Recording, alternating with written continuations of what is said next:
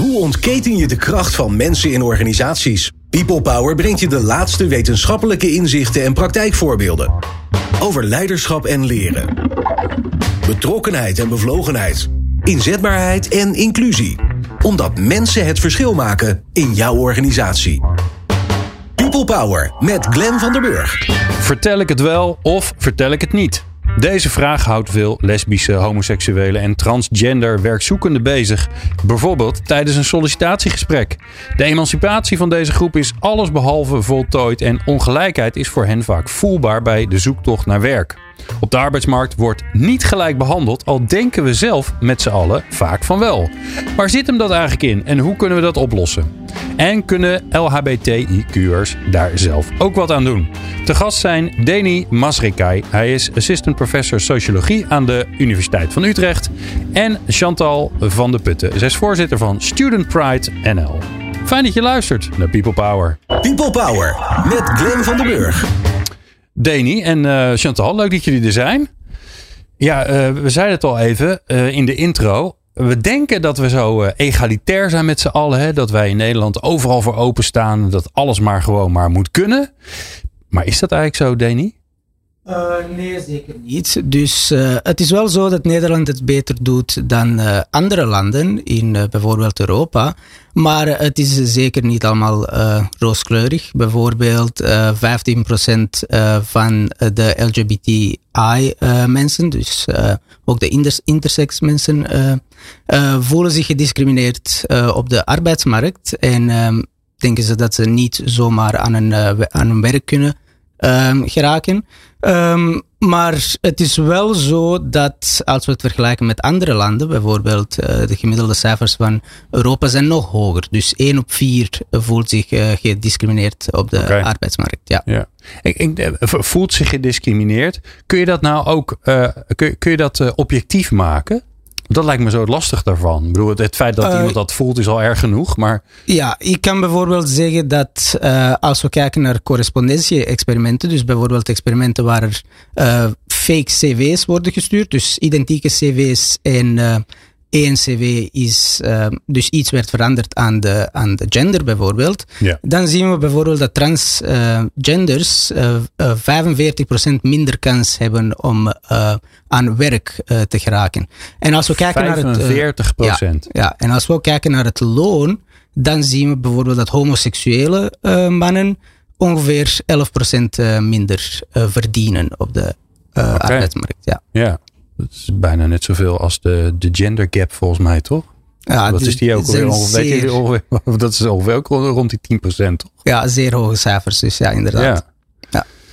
ja. Um, ook op het werk zien we bijvoorbeeld dat um, LGBT um, uh, mensen die hebben minder kans om gepromoveerd te worden en uh, zijn ook sneller ontslagen. Dus bijvoorbeeld bij corona uh, gerelateerde ja, dus als er bijvoorbeeld corona is of mensen ja. moeten ontslagen worden, dan zijn zij eerst om ontslagen te worden. Ja. Oké. Okay. Oké, dus minder kans om een baan te krijgen. Ja. Als je hem hebt, verdien je minder. Ja. Ik, ik generaliseer natuurlijk even, hè, dat moet je altijd mee oppassen met wetenschappers in de buurt. Die zeggen dan ja, nee in het onderzoek van. Maar over het algemeen zou je dat wel kunnen zeggen. Ja. Um, wat kom je nog meer tegen? Wat, wat zijn nog meer de vraagstukken waar, um, uh, waar mensen tegenaan lopen op de arbeidsmarkt? Um, dus ook de promotie wordt altijd uh, naar gekeken. Ja. Um, en ook um, bijvoorbeeld hoe tevreden, zijn, hoe, hoe, tevreden ze zijn op het, uh, op het werk. Minder okay. tevreden dan. gediscrimineerd op het werk. Dus bijvoorbeeld microagressie, zo van die rare grappen. Flauwe grappen. Uh, ja, inderdaad. Ja. ook de productiviteit hoe productief ze zijn. Het blijkt dus dat ze minder productief zijn, uh, wat natuurlijk uh, slechter is voor de organisatie. En die productiviteit daalt dan door de discriminatie. Dus het is niet dat ze zelf minder productief zijn, maar door de discriminatie natuurlijk, het vergt energie om zoiets te, te, te ondervinden natuurlijk. Ja. Dus je wordt automatisch minder productief, ja. Jeetje mina. Nou, genoeg om erover te doen. Chantal, uh, waar, waar, waar, loop jij tegenaan? Je werkt bij, je werkt bij. Je bent voorzitter van Student Pride. Um, herkenbaar wat Dani vertelt? Ja, dit is uh, zeker heel herkenbaar. Wat we ook zien is dat uh, studenten na hun studie, als ze weer gaan werken of als ze gaan werken, dat ze dan ook uh, regelmatig weer uh, terug de kast in gaan. Dus we hebben Oh, te ja? maken met studenten die tijdens hun opleiding al wel nou ja, zichzelf durfden en konden zijn. Maar op het moment dat ze gaan starten met hun eerste baan, dat ze eigenlijk weer van vooraf aan beginnen. En dat gebeurt bij best veel studenten. Dus wij zien ook dat daar ja, nog best wel wat werk aan de winkel is. Dus dat studenten zich, als ze zich op de arbeidsmarkt gaan begeven, zichzelf ook veilig genoeg gaan voelen om direct ja, echt zichzelf te kunnen zijn. En daar ook voor uit te durven komen. Nou, nou kan ik me wel eh, voorstellen, want volgens mij doet iedereen dat wel een, een beetje. Ik ondertussen steeds minder, omdat je toch steeds wat ouder wordt. Maar je pas je allemaal wel een beetje aan als je natuurlijk naar je werk gaat. Hè. Er zijn legio mensen die, die nooit een pak dragen, behalve als ze naar hun werk gaan. Of nooit een mantelpakje als ze aan werk gaan. Maar dit is natuurlijk wel even, hè, hiermee is er zo'n groot gedeelte van je identiteit die je gewoon dan thuis laat. Ja, dat is En- best. Want het lijkt soms dat het natuurlijk meevalt om het er niet over te hebben. Maar als je nagaat hoeveel collega's het hebben over hun vrouw, hun kinderen, eh, met wie ze op vakantie gaan. Dan kom Ja. je eigenlijk dagelijks wel in aanraking met een moment dat je jezelf eigenlijk moet verlogenen. En dat is veel vaker als je erop gaat letten. Hoe vaak Ja. eh, heteroseksuele personen het ook hebben over hun gezinsleven en over eh, wat ze in de weekenden doen. Dus het, is, het komt vaker Maar wat voor. doen mensen dan? Ik bedoel, ik kan me zo'n, zo'n eh, even nu niet, maar Mhm. straks als we weer naar kantoor Ja. gaan wel. Dan sta je bij de koffieautomaat en dan begin- heb je het over het weekend. En dan, eh, en dan op een gegeven moment, dan, eh, als, als iemand heel stil is geweest, dan, zo werkt dat volgens mij sociologisch, dan draait iedereen zich naar diegene. Want denkt, oh, die willen we niet buitensluiten. Dus, eh, goh, hoe was jouw weekend? Ja, dat kan verschillend uitpakken. Het kan zijn dat iemand het steeds over zijn of haar partner heeft. Om het Ja, op die ja. manier te verbloemen. Of om eh, het helemaal in het midden te laten. En eh, gewoon te vertellen van nou, ik heb in de Ik tuin heb lekker gewerkt. gewandeld. ja, ik heb lekker gewandeld. Ja. Maar door het eh, vaak ja, proberen om het vaak niet te benoemen. Dus je leert ook steeds meer trucjes om het te kunnen omzeilen. Dus dat zijn ook zaken die mensen natuurlijk al van jongs af aan hebben, eh, nou ja, zichzelf hebben aangeleerd. En dat komt dan ook weer op uiting bij zo'n eerste werkplek. Of dat Ja. komt regelmatig. Ik sommige ja. LGBT's komen ook, moeten ook elke keer uit de kast komen op hun werk natuurlijk. Als je van job verandert en iemand zegt, ja, hoe is het met je vrouw of, of eender wat, dan moet je elke keer, als je uit de kast weer wil komen op het werk, dan moet je steeds opnieuw vertellen, ja, ik ben eh, bijvoorbeeld transgender of, of Ja. eender wat. Ja. Ehm, en dan is het natuurlijk ook zeer negatief voor, de- voor, voor deze mensen. Zo steeds uit de kast komen, telkens opnieuw. Ja. Ja, want leg, eh, proberen jullie dat eens uit te leggen. Waarom is dat zo vervelend, zwaar? Eh, Waarom doet dat zoveel met je? Eh, natuurlijk, ja, er is gewoon die heteronormativiteit, zoals het noemt. Dus dat er wordt aangenomen dat, dat er een man en een vrouw is en dat eh, iedereen cisgender is, wat betekent dat je eh, geslacht overeenkomt met je identiteit. Eh, dat het gewoon, dat je er, er wordt gewoon een negatieve connotatie gegeven als je anders bent. Ja. Op het werk, maar ook op school of, of in de samen, samenleving. Dus het is natuurlijk, je kan je niet perfect voelen als er een negatieve connotatie wordt gegeven aan je identiteit. Ja, en zelfs, Als, zelfs als er zeg maar niet ehm, expliciet wordt, eh, flauwe grappen worden gemaakt. Of zelfs als dat niet gebeurt, dan toch is die norm blijkbaar zo sterk aanwezig. Dat, dat, dat het niet goed voelt. Nou ja, je hebt zoveel kleine coming-outjes. Dus ehm, je kunt inderdaad zeggen als je ergens gaat werken van nou, ik vertel wat over mezelf. Ik ben Chantal en ik heb een vriendin. Nou, dat lijkt op zich allemaal helemaal prima. Maar hoe vaak je dan toch niet eh, tegen collega's die nou ja, dat niet weten, moet zeggen van nee, ik, ik heb een vriendin. Nee, ik heb geen kinderen. Nee, ik, eh, eh, ik heb inderdaad geen man. En hoe vaak je dat eigenlijk toch steeds moet corrigeren. Omdat mensen er toch van uitgaan dat je als vrouw een man hebt in de basis. Eh, ja, dat gebeurt veel vaker dan dat je zou denken. Het Omdat, stereotype is zo sterk Ja. dat ook al heb je het verteld aan iemand, Mhm. dan verdwijnt dat gewoon weer. dat zelfs. Of, of ik hoor vaak, ja, maar jij ziet er toch helemaal niet lesbisch uit. dat soort teksten. ja, dus het, het- er zijn gewoon heel vaak van die ongemakkelijke momenten. En tuurlijk, eh, nou ja, maak ik er ook grapjes over en probeer ik het ook een beetje gezellig te houden. Maar als je nagaat hoe vaak er dat soort momentjes zijn, dat, dat is echt best wel vaak. Dat is wel uh, meerdere keren per week dat je er toch iets over moet zeggen. Nee, ik heb geen kinderen. Nee, ik heb een ja. vriendin. En Danny, maakt het dan nog uit in, in wat voor sector je werkt of wat voor soort werk je doet? Ja, dus onderzoek toont dat het wel uitmaakt. Uh, namelijk dat, die, dat de discriminatie groter is in de privésector dan in de publieke sector. En ook uh, groter is in uh, de sector die overeenkomt met je, met je geslacht eigenlijk.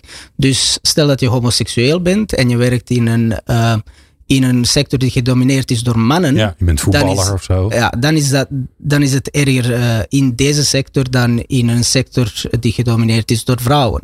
En het omgekeerde is ook voor, uh, voor lesbische uh, vrouwen dan. Ja. Oké. Okay. Oh, oké. Ja. En um, het is ook zo, dit is misschien ook interessant. Ik heb, al, ik heb nu zelf ook ergens ernstig last van stereotypen overigens.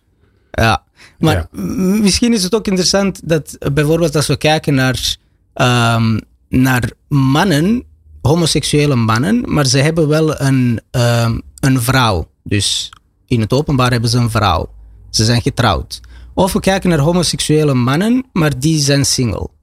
En dan zien we dus dat uh, de discriminatie uh, en, en hoe, hoe minder dat ze verdienen tegenover heteroseksuele uh, mannen, dat die groter is als ze dus single zijn dan als ze getrouwd zijn met een man, met, met een vrouw dan, en, en ze homoseksueel zijn. Dus uh, er zijn zeker gradaties naar gelang ja, je, jezelf als LGBT of naar eh, de sector en, en zelfs naar werkelijke job hmm. die je doet. Ja. En nou, nou weet ik toevallig, want ik mijn programma wordt al prachtig voorbereid door mijn fijne collega's, dat jij zelf onderzoek doet naar de positie van kinderen van ouders met hetzelfde geslacht. Ja.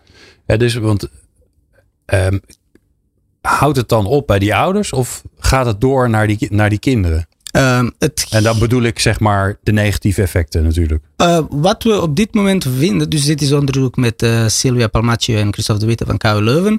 En um, wat we vinden is dat als we de hele populatie van kinderen bekijken, namelijk ook kinderen die geadopteerd zijn, uh, kinderen die, um, die, die vanaf de geboorte bij de, bij de LGB, LGB dan ouders wonen, en ook kinderen die uit een vorige heteroseksuele familie komen, uh, dan is er geen verschil. Maar als we kijken naar de kinderen die werkelijk opgegroeid zijn vanaf hun geboorte in een LGB-familie, um, dan zien we dus dat ze meer kiezen voor deeltijdse jobs en meer voor de sectoren die gedomineerd zijn door vrouwen.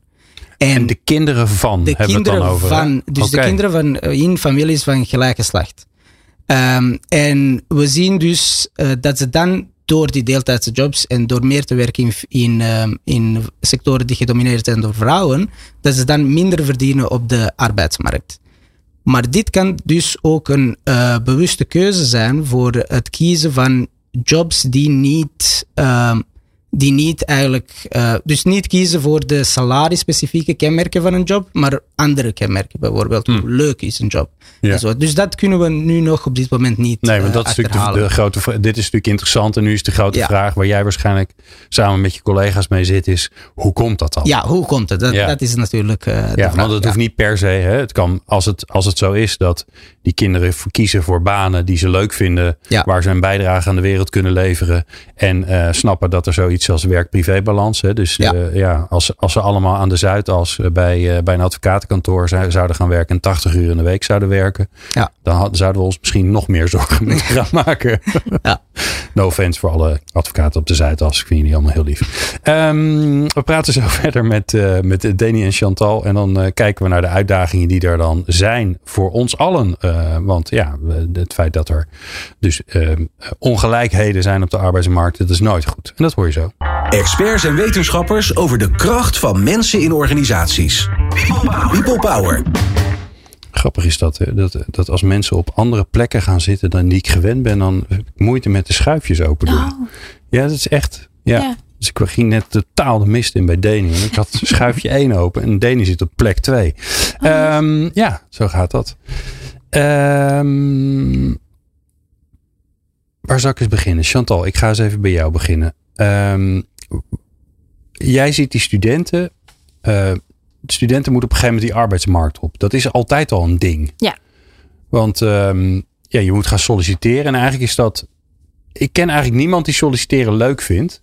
Want uh, ja, je kunt afgewezen worden. Zeker. En dat is vervelend. Mm -hmm. En volgens mij hebben ze daar ook heel veel onderzoek naar gedaan. Dat als je eenmaal een paar keer afgewezen wordt, dan doet dat iets met je, ja. met je zelfvertrouwen, met het geloof uh, in, dat je het kan. En uh, dus dat is, een, dat is sowieso al een heftig moment. Dus uh, tegen welke vraagstukken, problemen lopen LHBTIQ'ers dan aan als ze de arbeidsmarkt gaan betreden? Dat spannende moment van oké, wie ga ik dan nu schrijven en word ik wel of niet uitgenodigd enzovoorts. Ja, ik denk dat het vooral. Um, kijk, het eerste obstakel is natuurlijk het sollicitatiegesprek of het sturen van brieven, want dat vindt iedereen spannend. Dat maakt niet uit uh, wie of ja. wat je bent. Ik denk dat echt iedereen dat een spannend uh, proces vindt.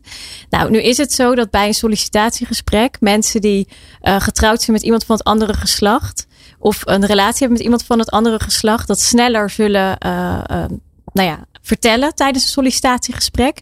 En je zal zien dat mensen die dat niet hebben, sneller dat onderdeel van zichzelf uh, voor de zekerheid maar even verzwijgen. Om zeker te zijn dat ze in ieder geval daar niet op zullen worden afgewezen. Dus, dus eigenlijk voelen, voelen uh, mensen al aan uh, de, de, de, cijfers die, waar Deni het net over had. Hè, dat je per definitie eigenlijk minder kans maakt. Ehm, door die, nou ja, hopelijk veelal uh, onbewuste vooroordelen. Die ja, er zijn. maar het is voor een deel natuurlijk ook een beetje just to be sure. Dus het kan natuurlijk heel goed zijn dat een werkgever er helemaal uh, nou ja, heel vrij in staat. Maar ja.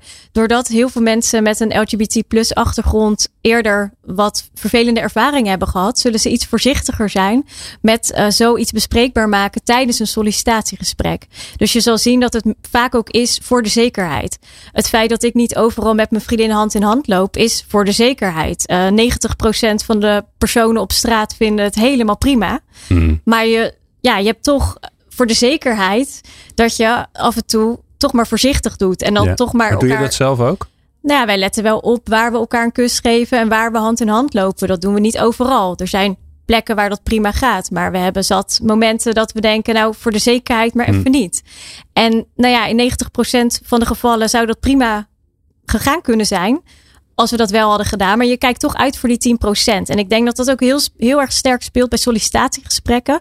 Dat je denkt van ja, het zou toch net zonde zijn. Mhm. Als ik om deze reden dan uh, ja, niet het voordeel van de twijfel krijg. Om, omdat er gekozen moet worden tussen twee personen. Laat ik maar alles op safe spelen. En uh, ja, bepaalde dingen die misschien wel afbreuk doen aan mijn kansen. Laat ik die dan maar voor de zekerheid vermijden. Ja. Deni, weten we, weten we vanuit het onderzoek of... Um, of die voorkeuren nou bewust zijn. Hè? Of dat mensen het erover hebben. Zeggen van nou nee, die gaan we niet dat, doen hoor. Want... Dat kunnen we niet weten. Nee. Dus er is de zogenaamde taste-based discrimination, noemt het in het Engels. En dat is dus werkelijk iemand niet willen uh, huren. Omdat die persoon LGBT is. En je Ja. wil het gewoon niet als werkgever.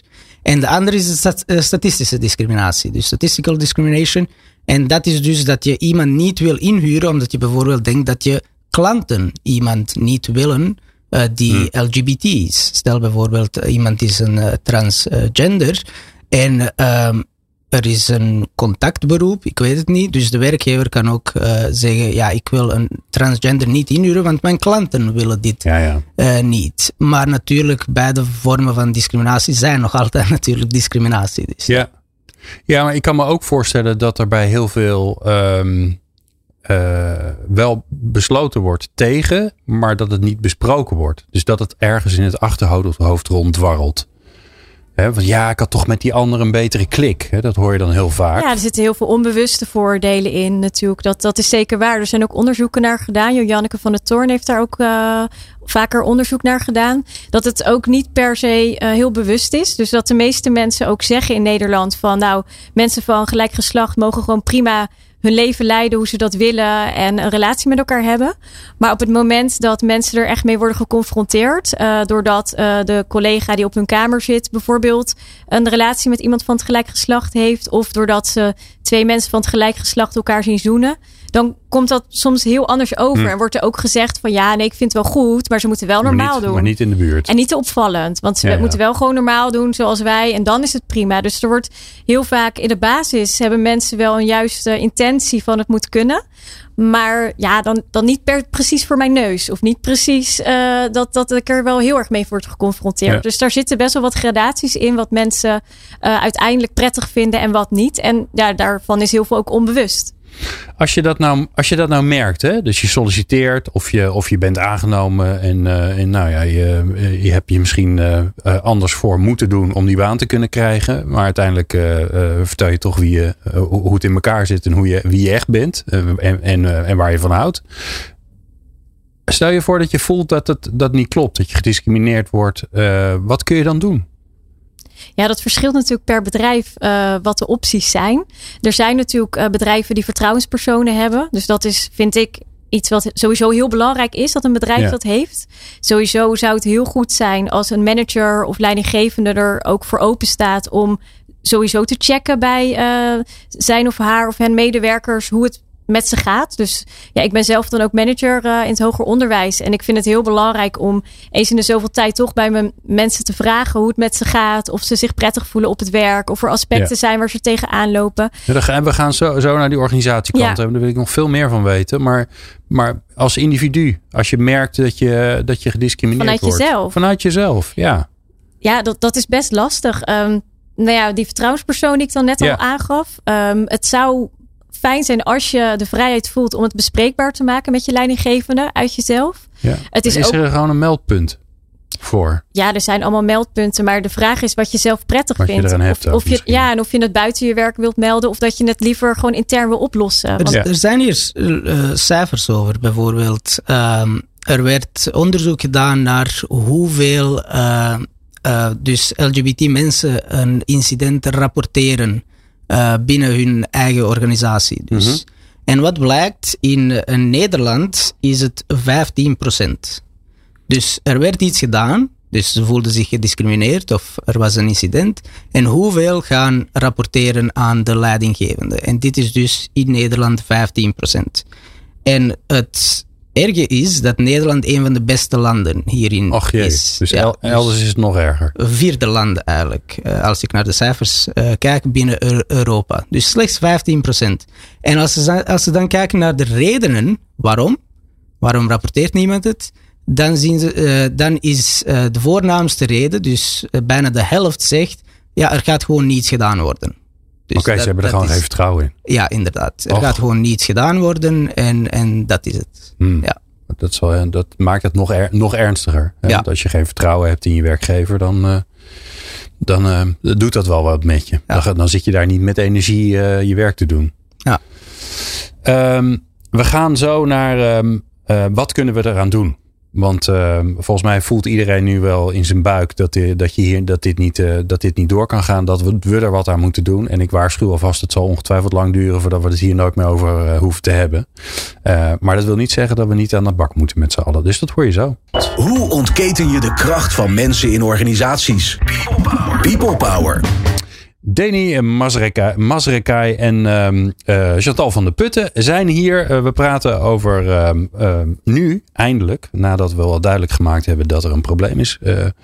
als we het hebben over de benadering van LHBT plussers. Ik vind dat wel fijn. Dat scheelt weer een hoop letters. Ja, dat scheelt. En, en voelt iedereen zich dan wel inclus? Want dat is natuurlijk wel de bedoeling. Nou, met die plus wel, toch? Ja? Nee, ja. nou, als jij het goed vindt, dan vind ik het ook goed. ik ga akkoord. Um, ja? Jij bent akkoord. Oké. Okay. LHBT, LHBT plus. Gaan we daar, laten, laten we het daarop. Um, ja, wat kunnen we doen? Dus uh, stel je voor... Uh, uh, uh, onze luisteraars die hebben allemaal een, uh, een positie waarbij ze zich druk maken over het thema werk. Uh, of ze nou adviseur zijn of ze zijn HR-persoon of leidinggevende. Ehm, die hebben ongetwijfeld tussen de oren dat ze denken, nou ik kan ook nog wel wat meer doen dan wat ik nu doe. Dus de vraag is, Chantal, ja. wat dan? Nou, er kan heel veel. En het eerste, dat hebben we eigenlijk al in gang gezet. Dat is het uh, stukje bewustwording. Het begint allemaal bij bewustwording. Dus dat is stap 1. Stap 2 is het bespreekbaar maken binnen het werk. En uh, ook in het hogere management. Dus ook zorgen dat het niet alleen ja, iets is wat onderling af en toe wordt besproken, maar dat het ook echt resulteert in, in beleid. Maar met alleen beleid kom je er natuurlijk ook weer niet. Dus het is ook heel belangrijk dat mensen uh, nou ja, het goede voorbeeld geven. En dat kan op allerlei manieren. Dus dan hebben we het al over uh, vormen van ons taalgebruik. Dus uh, hoe kan je zorgen dat je taalgebruik wat inclusiever wordt? Uh, vraag bijvoorbeeld niet naar iemands man, maar vraag naar iemands partner. Nodig iemand uit met zijn date en niet met zijn man of vrouw. dat soort kleine, dat lijkt klein, maar dat gaat om heel veel aspecten vaak van het taalgebruik. Daarin kun je zorgen dat je wat inclusievere vragen stelt. En, um, maar dat vind ik interessant. En hoe doe je dat nou zonder dat het onwijs gekunsteld voor je voelt? Want dat kan ik me zo voorstellen dat, dat je, hè, want je taal is ook heel persoonlijk. Ja. Uh, je moet je je opnieuw eigen gaan maken. Dus heb, je partner vind ik al mooi, want dat is een soort algemeen ding. Ja. Uh, zijn er nog andere handigheidjes in? Ja, we hebben bij Student Pride Nederland een hele toolbox met handigheidjes. Dus dat is sowieso heel interessant om daar eens naar te kijken. Waar kunnen mensen dat vinden? Ja, nou ja, sowieso als je googelt op studentpride.nl, dan krijg je sowieso die toolbox. Uh, oh, die krijg je dan gelijk gewoon uh, over de schutting geworpen. Die krijg je vrij, toolbox. vrij snel is die zichtbaar. okay. Toolbox en Student Pride, dan krijg je hem vrij snel ja. uh, in je beeld. Ja. Maar ik denk dat jullie ook wel een linkje op de site plaatsen, toch? Als jij dat graag ja, wil, doen dat, we dat, dat. lijkt me fijn. Ja. ja, ja. We hebben, we hebben hem in het Nederlands en in het Engels. Dus ook voor internationale bedrijven super handig. Deze is wel gericht op het hoger onderwijs. Maar hij is voor een heel groot deel ook goed toepasbaar binnen bedrijven. En je zou als bedrijf natuurlijk er ook een variant op uh, kunnen creëren. Nou, waar het om gaat is uh, dat je gewoon niet te snel aannames doet dat iedereen heteroseksueel is, een partner van het andere geslacht heeft en drie kinderen, een huis en een hond. Als je daar je al wat van, meer van bewust bent, dat er heel veel variaties mogelijk zijn, dan ga je automatisch al ander type vragen stellen aan je collega of aan je medewerker. En nou kan ik me voorstellen dat, dat mensen luisteren en denken: Jeetje, Mina, wat een gedoe zeg, wat een gedoe. En gaat dat nou echt verschil maken? Dus nog even voor de helderheid. Als je dat niet doet, hè, dus als, je, als ik jou inderdaad, uh, ik ontmoet jou en dan zeg ik, goh, leuk, heb je een leuk weekend met je man gehad? Ja. Wat gebeurt er dan? Nou ja, het, het, het is inderdaad voor mij dan uh, af en toe best irritant dat ik, nou ja, wekelijks moet zeggen, ja, nee, het was een heel leuk weekend, maar het was met mijn vriendin. En dan zegt de ander, oh, maar dat vind ik helemaal niet erg. Oh, oh, en dan ja. krijg je dat soort awkward ja. momenten. Ja. Dus, en ik denk dat stukje bewustwording, dat je weet van, uh, oké, okay, uh, we hebben allemaal uh, mensen om ons heen die we leuk vinden. En we vragen daar iets meer open naar. Dus je hoeft er helemaal niet ingewikkelde trucjes voor uit te halen. Maar iets meer open vragen stellen, dat helpt al voor een heel groot deel. En dan ja, voorkom je dat mensen die dus wat minder voor, ja, binnen het standaard plaatje vallen, elke dag een paar coming-outjes moeten doen. Dus dat scheelt al een hoop. En maar als je, ja, Danny? Ja, dus de taal kan eigenlijk ook uh, absoluut cruciaal zijn. Dus als we kijken naar uh, de wet, als we kijken naar ouderschapsverlof bijvoorbeeld, daar uh, vroeger sprak daar, sp wordt, werd er gesproken over de moeders en de vaders. Nu natuurlijk, als je twee vaders hebt, dan heb je geen moederschapsverlof. Dus hier is het cruciaal dat er partner, dat er over partner ja. wordt gesproken. En we zien dus nog altijd, bijvoorbeeld uit mijn onderzoek met uh, quoters uit verschillende landen, we zien dus dat um, mannen van gelijk geslacht nog altijd minder ouderschapsverlof uh, krijgen. Doordat de wet zo geformuleerd is dat het eigenlijk niet inclusief is voor iedereen. Ja, dus ja. taal kan echt wel uh, cruciaal zijn voor. Ja. Dus, voor, dus simpel gezegd, als er een hetero-stel is, dan krijgt de vrouw 16 weken. En de man, ik weet niet eens wat het is tegenwoordig. Het is iets meer geworden dan dat het belachelijk weinig was. Het is iets minder belachelijk weinig. Als hetero-stel krijg je, uh, als, als uh, mannelijk homo-stel krijg je dus twee keer belachelijk weinig. Ja, dus en je daar kan moet je minder, het mee doen. minder krijgen, want je kind kan bijvoorbeeld door adoptie Ja. zijn. En dan moeten, moeten de woorden adoptiepersoon of partner of et, et cetera wordt gebruikt. Ja. En deze, deze woorden, dus hoe het geformuleerd is, kan ervoor zorgen dat je gewoon geen ouderschapsverlof krijgt als, Ja. een, uh, als, een fam- uh, als een familie van gelijk geslacht. Ja. Dus als een persoon van, ja. Chantal, nou kan ik me voorstellen dat je door je taalgebruik in ieder geval kan zorgen dat je een barrière of een, dat je, dat je zo'n ongemakkelijke, vervelende situaties, dat je die kunt voorkomen. Hè, door open vragen te stellen en uh, hè, gewoon te vragen, goh, hoe was je weekend? Ja. Dan kan jij vervolgens antwoorden waar je zin in hebt. Ja. Hoe kan je nou, als je nou een stapje meer wil doen. Als je nou wil zeggen, ja, maar ik wil, ik wil het echt mogelijk maken voor iemand. En misschien ook iemand echt uitnodigen om, uh, um, om te laten zien wie, wie die is in, in, alles, in alles wat erbij hoort. Ja, ik denk dat het sowieso heel erg helpt als er binnen een organisatie rolmodellen zijn. Dus ik heb zelf besloten, ik ben dan manager en ik heb dan ook besloten om er heel open en eerlijk over te zijn. Om te laten zien van kijk, ik ben manager, ik stuur 35 mensen aan en ik ben lesbisch. En dat kan prima samengaan. En ik merk al dat dat wel helpt voor medewerkers die ook met dit soort gevoelens wel eens worstelen. Dat die eerder naar me toe komen om te zeggen: joh, wat fijn, ik, ik heb dit ook. Uh, wat fijn dat, dat jij hier open over bent. Uh, het helpt om binnen een bedrijf te zien dat je niet de enige bent. Dus als we het een beetje samenvatten, dan is het: uh, maak het bespreekbaar.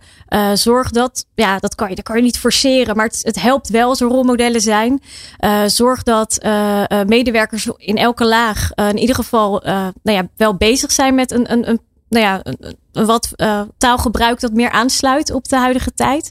Maar daarnaast is het ook heel fijn als er bijvoorbeeld een netwerk is binnen een bedrijf. Dus ja, bij een heel klein bedrijf zal dat lastig zijn. Maar bij de grotere bedrijven zie je steeds meer dat er LHBTI plus netwerken zijn. En dat mensen elkaar ook kunnen opzoeken.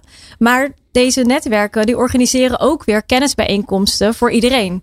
Dus er worden er ook weer, ja, wordt er ook weer kennis gegeven aan alle medewerkers van het bedrijf. Uh, nou ja, hoe je het beste kunt omgaan met nou ja, bijvoorbeeld een medewerker die in transitie gaat. Of nou ja, er, er kan van alles spelen. Het voelt altijd een beetje gek, hè? Dat als je, maar dat zie je natuurlijk bij heel veel uh, uh, diversiteits- inclusievraagstukken. Dat op het moment dat je, dat je er iets aan wil doen, ja, richt eerst een clubje op waarbij je bij elkaar gaat zitten. Ja. Dat voelt altijd een soort, uh, soort tegengestelde reactie. Maar toch werkt het volgens mij goed, toch? Ja, want je wil niet zeggen van met dit clubje ga ik alleen nog maar de vrijdagmiddagborrel ja, doen. Vrienden. Dit zijn nu mijn vrienden. Nee, dat, dat, dat is niet hetgeen wat ik probeer te zeggen hoor. Nee, waar het echt meer om gaat is van dat je wel kan praten met gelijkgestemden, dat dat heel prettig kan zijn. En dat er vanuit zo'n netwerk ook wat meer kennisbijeenkomsten vaak georganiseerd kunnen worden. En dat zie je bij steeds meer grote bedrijven gebeuren. Nou ja, en daar ondersteunt bijvoorbeeld Student Pride bij, maar ook een eh, Workplace Pride. Die ondersteunen op dat vlak om uh, ja, te zorgen dat bedrijven vaker ook ja, kennisbijeenkomsten uh, of andere nou ja, activiteiten organiseren. Waarbij er ook nou ja, uh, veel meer kennis gedeeld kan worden onderling. En waarbij ook inderdaad allemaal van dit soort vragen gesteld kunnen worden die jij nu stelt. Want het is ook wel eens fijn om gewoon ja, dit soort vragen te mogen stellen. En niet bang te zijn dat je een, ja, iemand beledigt of een verkeerde vraag stelt. Als het uit pure interesse is, is het alleen maar prima dat we het gewoon over dit soort onderwerpen ook hebben op de werkvloer. Ja. Dus zit de oplossing dan voor een groot deel gewoon in de ontmoeting? Gewoon iemand echt leren kennen die, ja. uh, die lesbisch of bi of transgender is. Uh, zodat je Uh, ik merkte dat zelf uh, toen ik uh, mijn eerste contact had met iemand die transgender eh, is. Ehm, dat ik ook, ja, dat je dan in die eerste momenten, ik voelde me een beetje ongemakkelijk. Zo van, oh, nou ja, je, je, bent, je, je, bent net even anders dan wat ik gewend ben. Ja, dat valt gewoon na een half uurtje kletsen. Is dat, is dat gewoon ja. weg?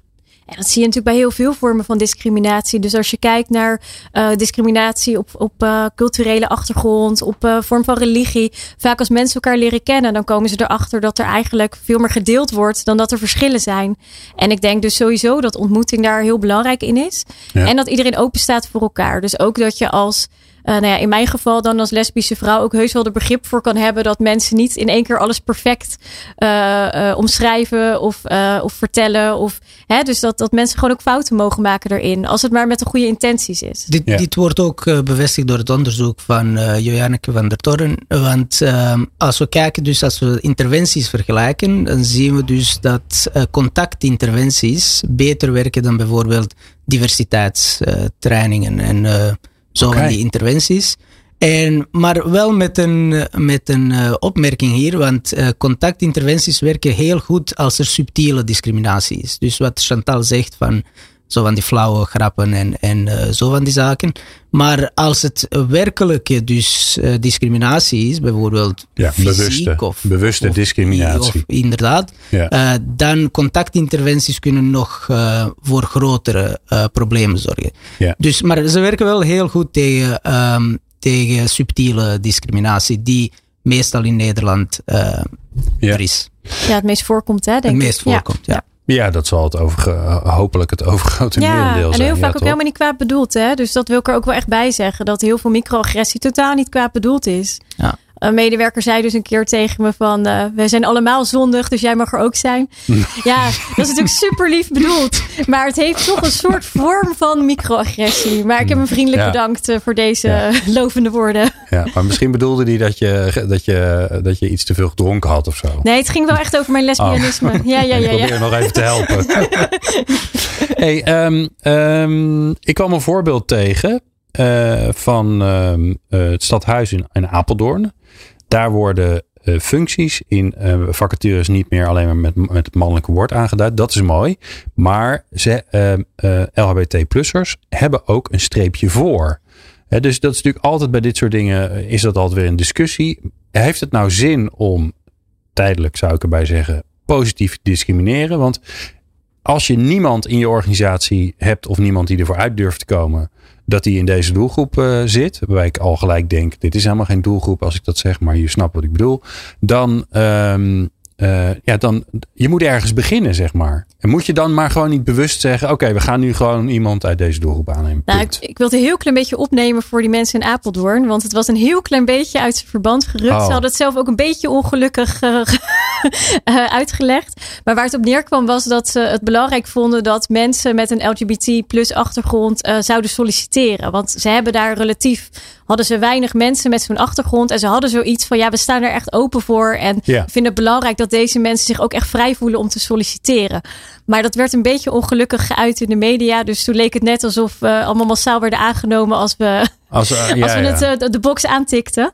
Maar ik denk dat het wel belangrijk is dat er in uh, vacatureteksten op zo'n manier wordt geformuleerd. Dat mensen die bijvoorbeeld of vrouw zijn, of um, dat als iemand van kleur is, of dat als iemand een LGBT plus achtergrond heeft, zich wel aangesproken voelen om te solliciteren. Dus het helpt vaak bij een vacatureomschrijving. En daar zou jij, Deni, straks ook misschien wel meer over kunnen zeggen.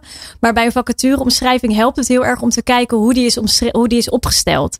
En vaak wordt er gebruik gemaakt van bepaalde woorden, bepaalde uh, Hmm. eigenschappen die vooral uh, ja, bepaalde mannen zich toe-eigenen. En veel vrouwen en LHBTI-personen een stuk minder. En die denken dan sneller van, oh, dit, dit is niks voor mij. Ik, ik pas niet in dit hokje. Uh, ik word vast niet aangenomen. En dan voelen deze mensen zich minder geneigd om te solliciteren. Dus om te zorgen dat mensen sneller Um, als ze tot een van deze groepen behoren. Als je wil dat ze sneller gaan solliciteren, dan helpt het om je sollicitatietekst een beetje onder de loep te nemen. Ja. En te kijken van oké, okay, welke woorden zou ik misschien anders kunnen gebruiken, zodat een breder publiek zal gaan solliciteren op deze functie. Ik weet dat ze bij, um, um, bij zeg maar het stimuleren van mensen met een beperking in de arbeidsmarkt, daar hebben ze ook uh, overwogen, of misschien is het er zelfs gekomen, om een soort uh, vignetje te maken. Mhm. Om te laten zien, zonder dat je daar heel veel woorden aan, aan hoeft. Want woorden kosten allemaal geld, zeker als je in de krant nog ouderwets een, uh, een, een, een vacature zet. Maar om te laten zien van, ja, weet je, bij ons ben je welkom. Ja. Wij, uh, wij, zijn er, wij staan er open voor. We willen het heel graag en we zijn er ook voor geëquipeerd. Zou dat niet iets zijn? Nou ja, het helpt inderdaad dat je een soort vinkje zou hebben van uh, wij uh, zijn een ja, soort van. We hebben al een uh, leuk vlaggetje. Een leuk vlaggetje leuk, erbij. regenboogvlag erbij. Nou, het helpt als je weet van deze organisatie vindt het helemaal prima dat ik niet hetero ben of niet Ja. cisgender ben. Dat helpt. En dan is het niet de bedoeling dat wij worden voorgetrokken, want je wilt de functie omdat je gewoon goed bent en niet omdat je de beste bent. Je wil het niet omdat je nou uh, hè, dat, dat ze heel graag een lesbienne erbij willen. Dus het is wel belangrijk dat je weet van ik word aangenomen omdat ik het gewoon uh, nou ja, het beste heb gedaan in deze sollicitatieprocedure. Maar als je weet van tevoren van dit bedrijf uh, vindt het net zo goed als je niet hetero en niet cis bent en of of staat juist open ook voor mensen met een, uh, met een bepaalde handicap. Of ik weet niet of je dat nog mag zeggen, maar een bepaalde beperking. Um, dat zal wel helpen. Want dan ben je eerder geneigd om te denken: oh, maar daar wil ik het wel proberen. Want deze mensen, die, Ja. daar mag ik in ieder geval mezelf zijn. Nou ja, als je ziet hoe krap de arbeidsmarkt Ja. is, zou ik zeggen, nou hier liggen kansen voor Zeker. werkgevers om, uh, om, het is natuurlijk een hele grote doelgroep ook, om te zeggen van nou, uh, hè, ik, uh, ik plak er een heleboel vlaggen op en ik ga eens even zorgen dat het er niet alleen maar een vlaggetje is, maar dat het ook klopt. Hè? Ja. Dat, dat, Dat is wel we, belangrijk dat we echt, open, dat we echt open, open, openstaan en dat, we, dat, we, dat iedereen welkom is. Ja, dan, uh, dan, dan heb je ineens een, een hele interessante doelgroep die, uh, waar je toch wat beter voor de dag komt. Ja, je ziet al wel natuurlijk dat heel veel organisaties, heel veel grote bedrijven zijn aangesloten bij Workplace Pride. En ook bij Student Pride Nederland. Dus je weet al wel als een bedrijf bij Workplace Pride en of Student Pride is aangesloten, dat ze ook intern een goed inclusiviteitsbeleid voeren en daar ook echt oprecht mee bezig zijn. Dus anders mogen ze ook niet partner worden van uh, deze twee organisaties. Ja. Dus dat is ook al wel een teken aan de wand. Maar ze zouden misschien nog wat zichtbaarder kunnen maken. Ja. Maar misschien even gewoon heel praktisch, hè? Die, die vacature tekst. Ik zou sowieso zeggen, begin met vertellen waarom het leuk is om bij jullie te werken. In plaats van te vertellen dat je geen 9 tot 5 mentaliteit, een alleskunner wil met zijn schaap met 17 poten. Dat is gratis advies. Want je wil namelijk dat iemand solliciteert in plaats van dat mensen niet solliciteren. Maar eh, wat zijn nog meer dingen die je moet zien te voorkomen in zo'n vacaturetekst waarin je uh, nou ja, mensen op het verkeerde been zou kunnen zetten? Dus sowieso niet verwijzen naar hij. Nee, het helpt wel natuurlijk. Dat helpt.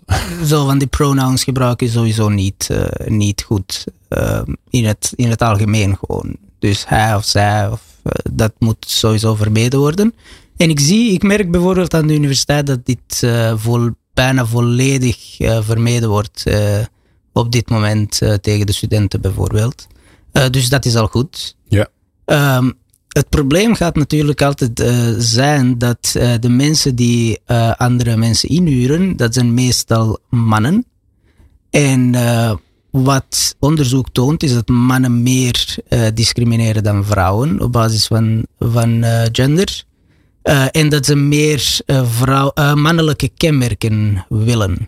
Dus homoseksuele mannen, die gaan een groter probleem bijvoorbeeld hebben dan lesbische vrouwen. en de transgenders, die origineel man zijn en dan vrouw worden, die hebben ook natuurlijk grote, grote problemen. Ja. Ehm, dus ja, dat, dat, dat is nog altijd een, een probleem dat moet aangepakt worden. Ja. Ja, en daar is op internet al best wel veel over te vinden. Hoe je dat soort teksten inclusiever kunt maken. Ook in en die het toolbox natuurlijk. Die toolbox helpt natuurlijk. Maar wat, je, wat inderdaad Dani ook zegt. Het gaat vaak om hele mannelijke eigenschappen. Die worden gevraagd in het profiel. Dus er is vaak staat er, ja. er ongeveer tien punten waar je profiel aan moet voldoen. Nu ben ik vrij macho en inderdaad een lesbische vrouw. Dus ik denk altijd, ja hoor, dat kan ik wel. maar er zijn natuurlijk heel veel mensen die heel eerlijk... Ook lekker stereotyp. Ja, maar het is wel zo hè. Bij mij dan in dit geval. maar het, het is het, het, ik merk het om me heen. Ook, ook heel veel vrouwen in het algemeen. Dat ze heel vaak zeggen: Ja, maar, maar ik voldoe echt niet aan al die eisen. En dat ik zeg: Nee, maar daar gaat het ook niet om. Het gaat erom dat je in ieder geval aan een paar voldoet. Maar zo denken heel veel mensen niet. Heel veel mensen willen wel voldoen aan dat plaatje wat gevraagd wordt. In, in die, uh... dat is, is dat niet misschien de meest belangrijke tip? Gewoon ophouden met al die eisen ja, erin te joh. zetten ja. moet, je, moet je andersom voorstellen dat je een, dat je een, eh, een, een, eh, een, een, een contactadvertentie zet. Dan zet je toch ook niet een lijst van tien dingen waar iemand aan moet voldoen. Dan gaat er niemand reageren. Ja, dat heb je bij een vacaturetekst ook. Nee, klopt. klopt. Toch? Moet je eerst even zeggen hoe leuk je zelf bent. En dan vervolgens zeg je nou, dit, dit vind ik echt belangrijk vind het belangrijk dat je gemotiveerd bent en dat je, en dat je een, beetje, een beetje vrolijk bent. Maar de grap is dus, als je dan weer kijkt naar uh, vacatures voor uh, ja, secretaresse, heet het ook vaak nog eens, dus een vrouwelijke vorm. Dat daar dus ook heel veel woorden in voorkomen die volledig corresponderen met onze traditionele vrouwenrollen. Dus je ziet het ook over en weer. Je ziet dat het bij nou ja, bepaalde managementfuncties uh, heel duidelijk op met mannelijke eigenschappen uh, wordt gedaan. En datzelfde wordt gedaan bij ja, ja, voor managementassistent, uh, secretaresseachtige vacatures. Wordt het juist met heel veel vrouwelijke kenmerken gedaan. Ja, dan krijg je ook, je krijgt wat je vraagt. Dus nou ja, daar is echt wel een wijze winst te behalen natuurlijk. Laatste vraag aan jullie allebei. Als iemand morgenochtend wakker wordt en die heeft deze aflevering geluisterd. Wat zou die in ieder geval moeten doen? Ik zeg I, want dan heb ik gelijk iedereen te pakken. Ja, hard nadenken. Ja, ja we zijn even aan het nadenken. Ja, dat kan. Als, als LGBT of als een... Iedereen uh, oh, als nou, iedereen. oh nee, ik zei, ja, dat is, ik, dat is goed. Je bent te algemeen. Nee, uh, uh, um, ik zou zeggen iemand die um, in een organisatie werkt en iets kan doen aan de situatie van LGBTIQ+. Ja. Dus ik zou zeggen, um, zowel focussen op diversiteit als mensen inclusief uh, Dus zien, zien dat je inclusief bent en niet alleen divers.